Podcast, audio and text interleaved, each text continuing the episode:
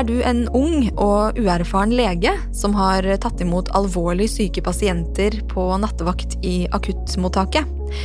Da har du kanskje gjort deg noen av de samme erfaringene som dagens gjest.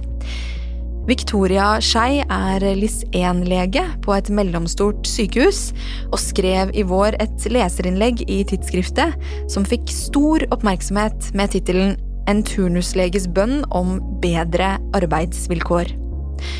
Hvordan har hun opplevd denne enorme responsen, og hva har det egentlig krevd å skulle heve stemmen på denne måten? Det skal du få høre mer om i høstsesongens første episode av Stetoskopet. Mitt navn er Caroline Ulvin Johansson. Da sier jeg Victoria Skei, velkommen til deg! Takk.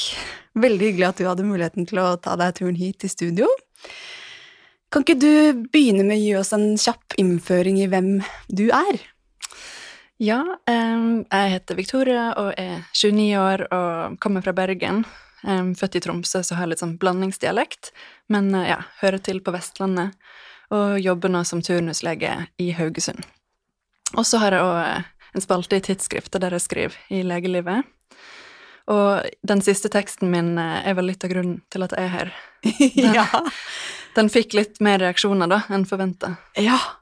Og det, det er nettopp det, for du er jo som du sier en av våre skribenter til Legelivet, som jo er en spalte som handler om Det er jo egentlig leger som skriver meningsbærende tekster om oppfattelser nettopp rundt livet som lege.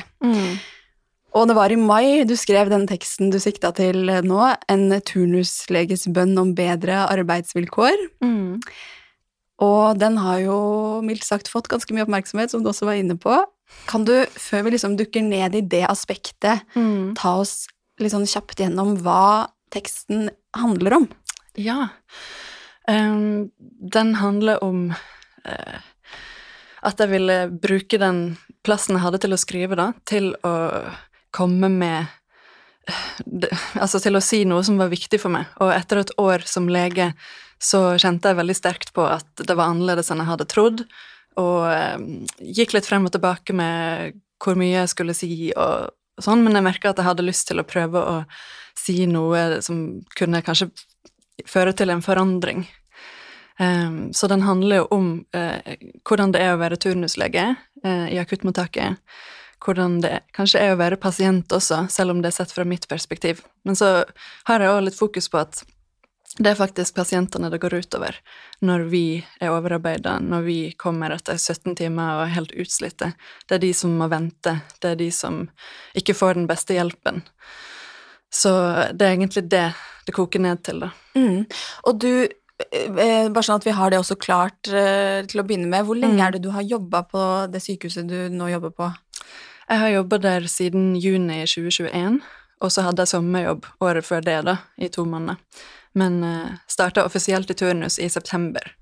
Men uh, det blir eh, en del måneder, da, i akuttmottaket. Ja. Mm.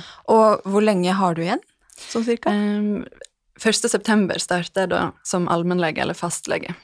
Ja, så da er Mm. den biten av liksom, sykehusdelen av turnusåret ferdig. Ja, siden mai har jeg vært i psykiatri, og da er det på DPS, så da er det ikke i akuttmottaket. Nei, så Nei. Du er, der er du er ferdig, ferdig uansett. Ja. Ja. Og du eh, var jo litt sånn innpå det, men kan du fortelle litt mer om liksom, bakgrunnen for hvorfor du ønsket å skrive denne teksten? Hva var det som liksom gjorde at, at det liksom tippa over for deg bare nei, nå vil jeg rope ut? Det var at jeg ikke forsto hvorfor det skal være sånn. Eh, At jeg har hatt samtaler med kollegaer så mange ganger, både andre turnusleger og overordnede leger, om at ja, det er jo egentlig helt sykt at vi jobber så lenge. 18 timer nattevakt, flere nattevakter i uken. Ja, nei, sånn er det bare. Altså at vi bare sitter på vaktrommet og ikke snakker ut. og Sykepleierne har jo veldig flinke folk som står opp for deres rettigheter, og jeg tenkte nå har jeg en sjanse til å skrive. La meg prøve å sette litt ord på hvordan det er. Mm. Og kan du liksom iscenesette litt for oss en typisk vakt hvor du har da kjent på stress? Mm. Hvordan er det da? Nei, en nattevakt starter jo da klokken tre på ettermiddagen. Eh, man har prøvd å sove lenge og komme litt i den døgnrytmen. Så er det jo bare å prøve å spise så mye som mulig, fordi man vet at det kan gå lang tid uten mat. Så kommer man på jobb, og så får man rapporter fra avtroppene. Og da kan det jo være ganske mange pasienter. Det varierer, men typisk på en mandag eller fredag er det gjerne åtte-ni stykk som ligger da på hvert sitt rom og avhengig av om man er på kirurgisk eller medisinsk, så har de ulike ting, men det er alvorlige ting de blir lagt inn med. Om det er ja, spørsmål om blindtarmbetennelse eller ting som må opereres, eller hjerteinfarkt, infeksjoner. Så får du rapport om alle disse, og så får du en telefon som begynner å ringe med en gang, og da er det AMK, og det er sykepleiere som spør hva skjer med han, og du må si at jeg har nettopp kommet på jobb, og så må du begynne å velge hva du skal starte med. Og så går jo timene veldig fort, og man prøver å velge den som er sykest, samtidig som man aldri vet helt, og, og føler at man ikke strekker til, da. Så den er ganske hard å, ha det sånn i så mange timer, da. Men det roer seg jo selvfølgelig ofte ned i løpet av natten. Heldigvis. Og så har man hatt netter der det ikke roer seg. For dette er primært nattevakter du snakker om eh, nå, når man mm. står alene ikke sant? Ja, etter klokken ti, i hvert fall i Haugesund, det er jo bare der jeg kan snakke for, så går bakvakten hjem på ortopedisk. Så da tar man alle brudd og hoftebrudd og ja, ortopediske tilstander alene. Man kan jo ringe de, da, ja. um, men man står med mye ansvar sjøl. Ja, og hvordan var det de første vaktene? For da er du jo fersk og har ikke egentlig gjort dette her før, og så skal du stå med det mm. ansvaret for ganske så syke pasienter. Ja, Hvordan var det? Det var veldig overveldende. Eh, og det var overraskende at man ikke fikk noe opplæring. Eh, så klart har vi jo hatt undervisning på studiet, og man har hatt et gipsekurs og sånn. Eh, vi hadde gipsekurs i september, og jeg begynte på kirurgisk i januar, så det var litt å plukke opp der. Eh, nei, så man blir veldig kasta ut i det, da. Her er vakttelefonen, og vær så god. Ja. Eh, mm. For man hører jo, og du peker jo litt på det i teksten din også, mm. kanskje særlig eldre leger som har vært ute i eh, yrkeslivet en stund, mm. Eh, snakke om at turnustiden jo er ment å være ganske tøff. At den er liksom Det er noe med å trene seg opp i de situasjonene som man ikke er vant med. Det er noe med mm. å på en mm. måte øve seg i det å eh, stå med det ansvaret og klare å holde hodet kaldt på et vis. Det er å lære seg å, svømme ved å bli kastet litt ut i det, rett og slett. Mm. Er det et poeng i det, tenker du? At det er, en, det er på en måte en del av det å lære seg å håndtere vanskelige situasjoner, på en måte? Ja, jeg ser jo hva de mener, og hva som er bra med å bli kasta ut i det, men jeg tror kanskje at på enkelte små sykehus så går det litt for langt i at man står alene med ting, og i hvert fall hvis man får følelsen av at man ikke kan ringe.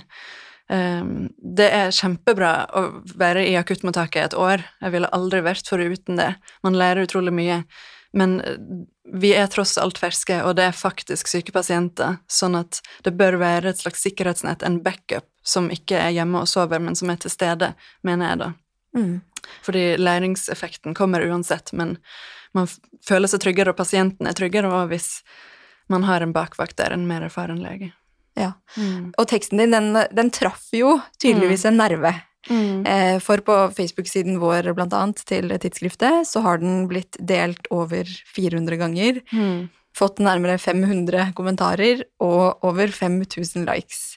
Og det tror jeg er må være liksom en av de sakene som virkelig er mest delt og omtalt hos oss, i hvert fall eh, så vidt meg bekjent. Eh, og det ble jo også til at andre medier hadde lyst til å snakke med deg, og det ble på en måte en slags kan man kalle det en liten mediestorm rundt deg en periode der. Eh, hvordan har du opplevd den store responsen sånn i ettertid? Hadde du sett for deg at det skulle bli sånn? Nei, absolutt ikke. Um, jeg var jo forberedt på at noen kunne reagere, at det jeg sa kanskje ikke var noe alle ville på en måte skrevet om i media. Så litt respons hadde jeg kanskje forventa, men absolutt ikke dette. Men det har jo vært veldig hyggelig, altså overveldende positivt, må jeg si. Um, så det har jeg blitt veldig glad for, og da føler jeg at kanskje jeg har uh, truffet noe som, som, ikke er så overdrevet, at, at folk kan kjenne seg igjen i det. Det er i hvert fall det folk har skrevet til meg, da leger og sykepleiere at eh, de hadde det også sånn. Ja. Mm. Og, var det, du, altså var det en barriere å skulle være såpass ærlig på et vis? Altså sånn, Frykta du at det kunne få noen konsekvenser for deg? Absolutt. Og Ja. jeg tror jo det er grunnen til at dette ikke snakkes så mye om. At man tenker på fremtidig jobb, og at man er redd for at man skal virke svak, eksempel. Så jeg tror nok det er litt tabu, egentlig, av den grunn. Men jeg tenker at det er såpass viktig, både for legestanden og for pasienter, at da får man heller ta den risikoen, da. Ja. Mm. Og hva, du var jo litt inne på det nå, men hva slags type reaksjoner Kan du fortelle litt mer om det? På, om hva slags type reaksjoner du har fått?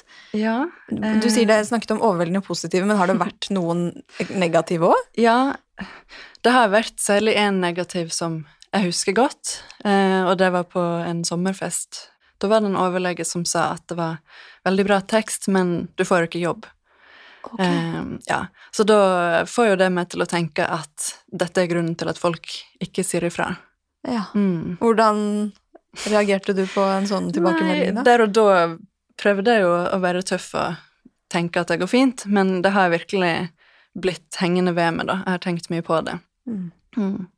Men uh, jevnt over, hvem er det som egentlig har respondert? Er det eh, helsepersonell, leger, sykepleiere, eller er det Ja. også vanlige folk? Det er mest leger og sykepleiere, egentlig. Og så et par venner og folk som ikke er i helsevesenet, da, som har vært pasient sjøl. Men eh, egentlig mest leger, da. Mm.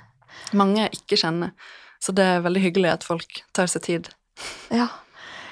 Og du skriver jo også blant annet Er det riktig at jeg sitter klokka tre om natta og, go og googler Mm. kamgips? Lapper en i stykker klemt finger på amatørmessig vis, mens ekspertene som kan det, Mm. ligger hjemme og sover. Har du fått noen konkrete reaksjoner fra disse ekspertene du sikter til her? Nei, um, men jeg har indirekte hørt at de også tenker at det må bli bedre. Og det er veldig positivt. Ja. Mm. Men nå skal ikke jeg snakke for eh, noen andre enn meg sjøl, da. Ja, Mm. for det høres jo, sånn som du skisserer det opp, Mm. umiddelbart ut som at det er litt bakvendt. Eh, Men det spiller jo også inn i dette med sosial hardhudethet, som du også tar opp i Mm. teksten din. Om det å tørre å ringe bakvakten, det å vite når du skal ringe. Ja. Hvor høy er den terskelen for deg? Den eh, er ikke så høy, egentlig. Samtidig som jeg har en viss Ja, det koster litt også å ringe, eh, eller hvis de står på operasjon, så sier jo gjerne operasjonssykepleieren han opererer, kan du ringe tilbake om to timer? Da skal det på en måte være litt alvorlig for å be om å bli satt på høyttaler. Så da må man på en måte velge skal jeg gjøre det, eller skal jeg la de fem pasientene som jeg vil konferere, vente enda lenger.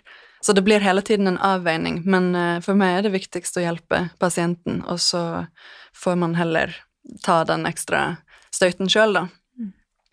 Og, og du, en av liksom, kanskje hovedessensen i teksten din da, er jo Mm. at du fremhever dette med hvordan uerfarne leger tar imot de mest alvorlig syke pasientene på Mm. lange nattevakter alene i Mm. akuttmottaket.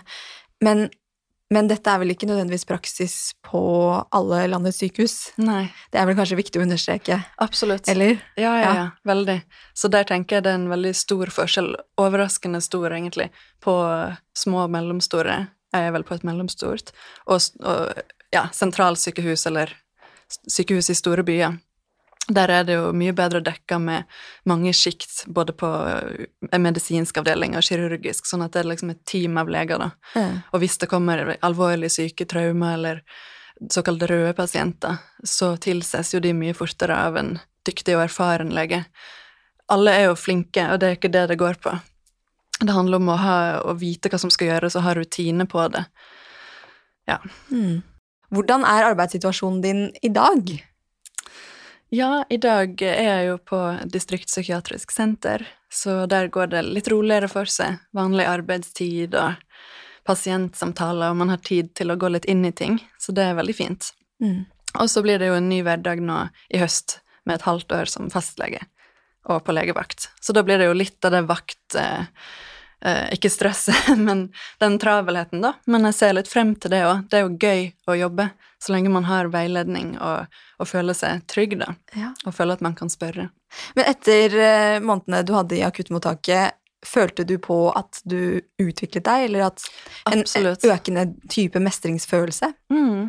Det vil jeg veldig ja, si at jeg har utvikla meg. Um, mye sånn personlige egenskaper, sånn som det med hardhudethet. At, eh, at man, ja ja, man, selv om det er litt flaut, så ringer man en gang til hvis man ikke fikk helt svar på det man lurte på, eller hvis man får mange eh, telefoner eller beskjeder samtidig, at man faktisk kan si ifra. Dette har jeg ikke tid til, eller prøve å sette litt grenser, da. Så for meg har det vært utviklende, um, som har vært litt konfliktsky og sånne ting. Ja, og så får man jo veldig men mengdetrening med alvorlige tilstander. Og sånn som brystsmerter, som det kan jo være hjerteinfarkt, det føltes ganske dramatisk og skummelt i begynnelsen, men det er jo noe av det som kommer mest av, så da blir man trygg på det. Så den mengdetreningen er gull verdt, og også det at man har stått i noe så tøft i, i mange måneder, da føler jeg at man kan takle mye, da.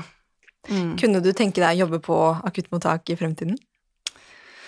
Ehm, det er jo ikke utelukka, jeg har ikke valgt yrkesretning. Og så tror jeg det å være turnuslege er en, en litt tung måte å jobbe i akuttmottaket på, fordi man gjør alt skrivearbeidet, man tar innkomstjournalen, og man må undersøke alle veldig grundig. Jeg tror det er en annen ting å være bakvakt eller LIS 3, som det heter. Um, så ingenting er utelukka. Nei. Så det er liksom ikke Du har ikke blitt helt, kan man kalle det, traumatisert av at ordningen er som den er, på et vis?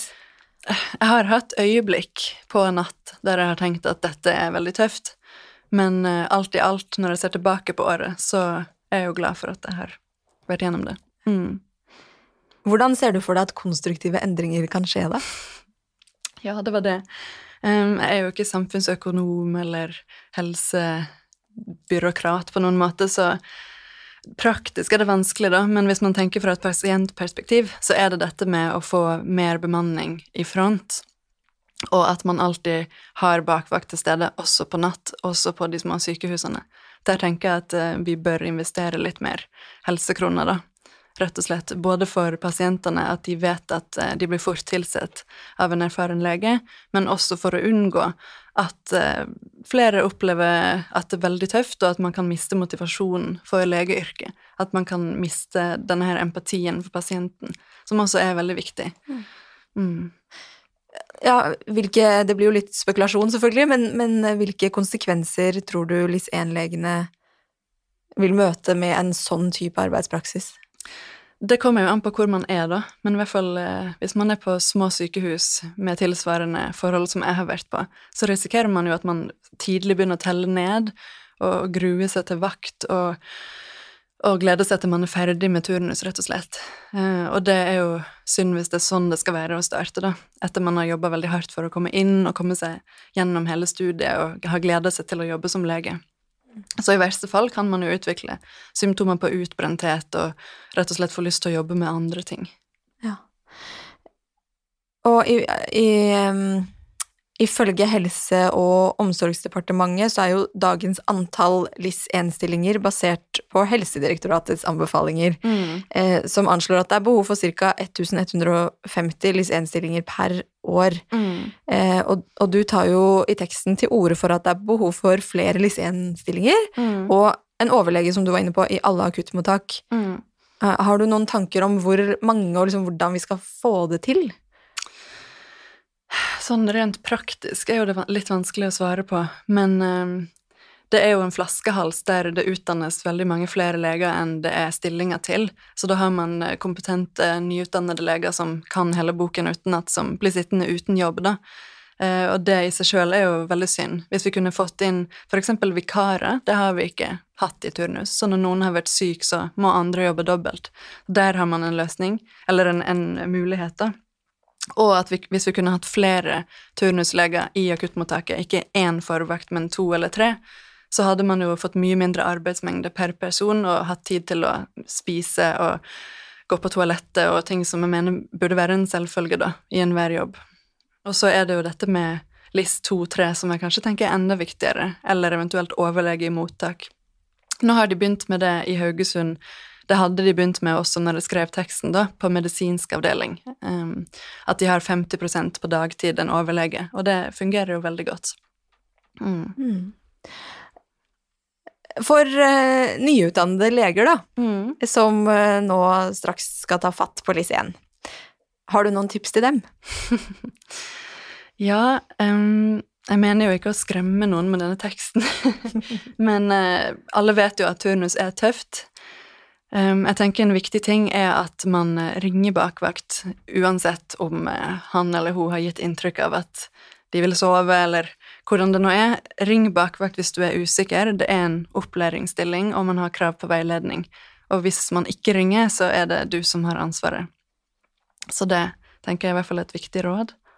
Og så, ja, jeg har jo opplevd det, det jeg har opplevd på et mellomstort sykehus, så jeg tenker hvis man er litt redd for å stå alene og bli veldig overarbeida, så går det jo an å, søke litt større. Og så hvis man vil ha den der cowboyopplevelsen, så fins det jo nok av små sykehus også. Så kommer det nok litt an på hvilken type person man er. Men uh, man må bruke de ressursene man har. Et annet viktig råd tenker jeg, er å høre med de andre turnuslegene før første nattevakt om konkrete ting. For eksempel, eh, jeg visste ikke hvor bedøvelsen var på min første nattevakt. Altså sånne ting, eller hvordan virker røntgenapparatet. Um, Helt sånn praktiske ting som Ja. kanskje de som har jobbet, vet så godt at de glemmer å informere om, og så plutselig står man der og Hjelp! Ja, mm, Ja. så bruk de andre for alt de er verdt, de som har vært i turnus kanskje et halvt år før man starter. Mm. Det var et kjempetips. Eh, har du lært noe i løpet av din tid i yrkeslivet nå som du virkelig skulle ønske du fikk mer innføring i på studiet? Som du har lyst til å trekke frem? Mm. Nei, det går vel mer på at man har vært i det. Altså, på studiet snakker man om alt i teorien, men det gøye med å begynne å jobbe er jo at da er det ekte case, da er det ikke en øvelse eller en oppgave. Så det er vel med det at jeg har fått eh, mengdetrening, som jeg har sagt, og at jeg har blitt litt god på det som kommer ofte, da. Og det har vært veldig gøy. Mm. Er det noe du føler for å legge til, som vi ikke har vært inne på? Bare at det er veldig hyggelig at folk har tatt seg tid til å si takk til meg, og at jeg setter veldig pris på alle tilbakemeldinger. Mm. Så bra. Da sier jeg tusen takk for at eh, du kom til Stetoskopet. Takk for meg. Det var det vi hadde for i dag. Skulle du ha spørsmål til oss eller tips til temaer vi kan snakke om, så er det bare å sende i vei en e-post på stetoskopet at tidsskriftet.no. Neste uke så er Are Brean tilbake med Redaktørens hjørne, og jeg er på plass med en ny gjest om to uker.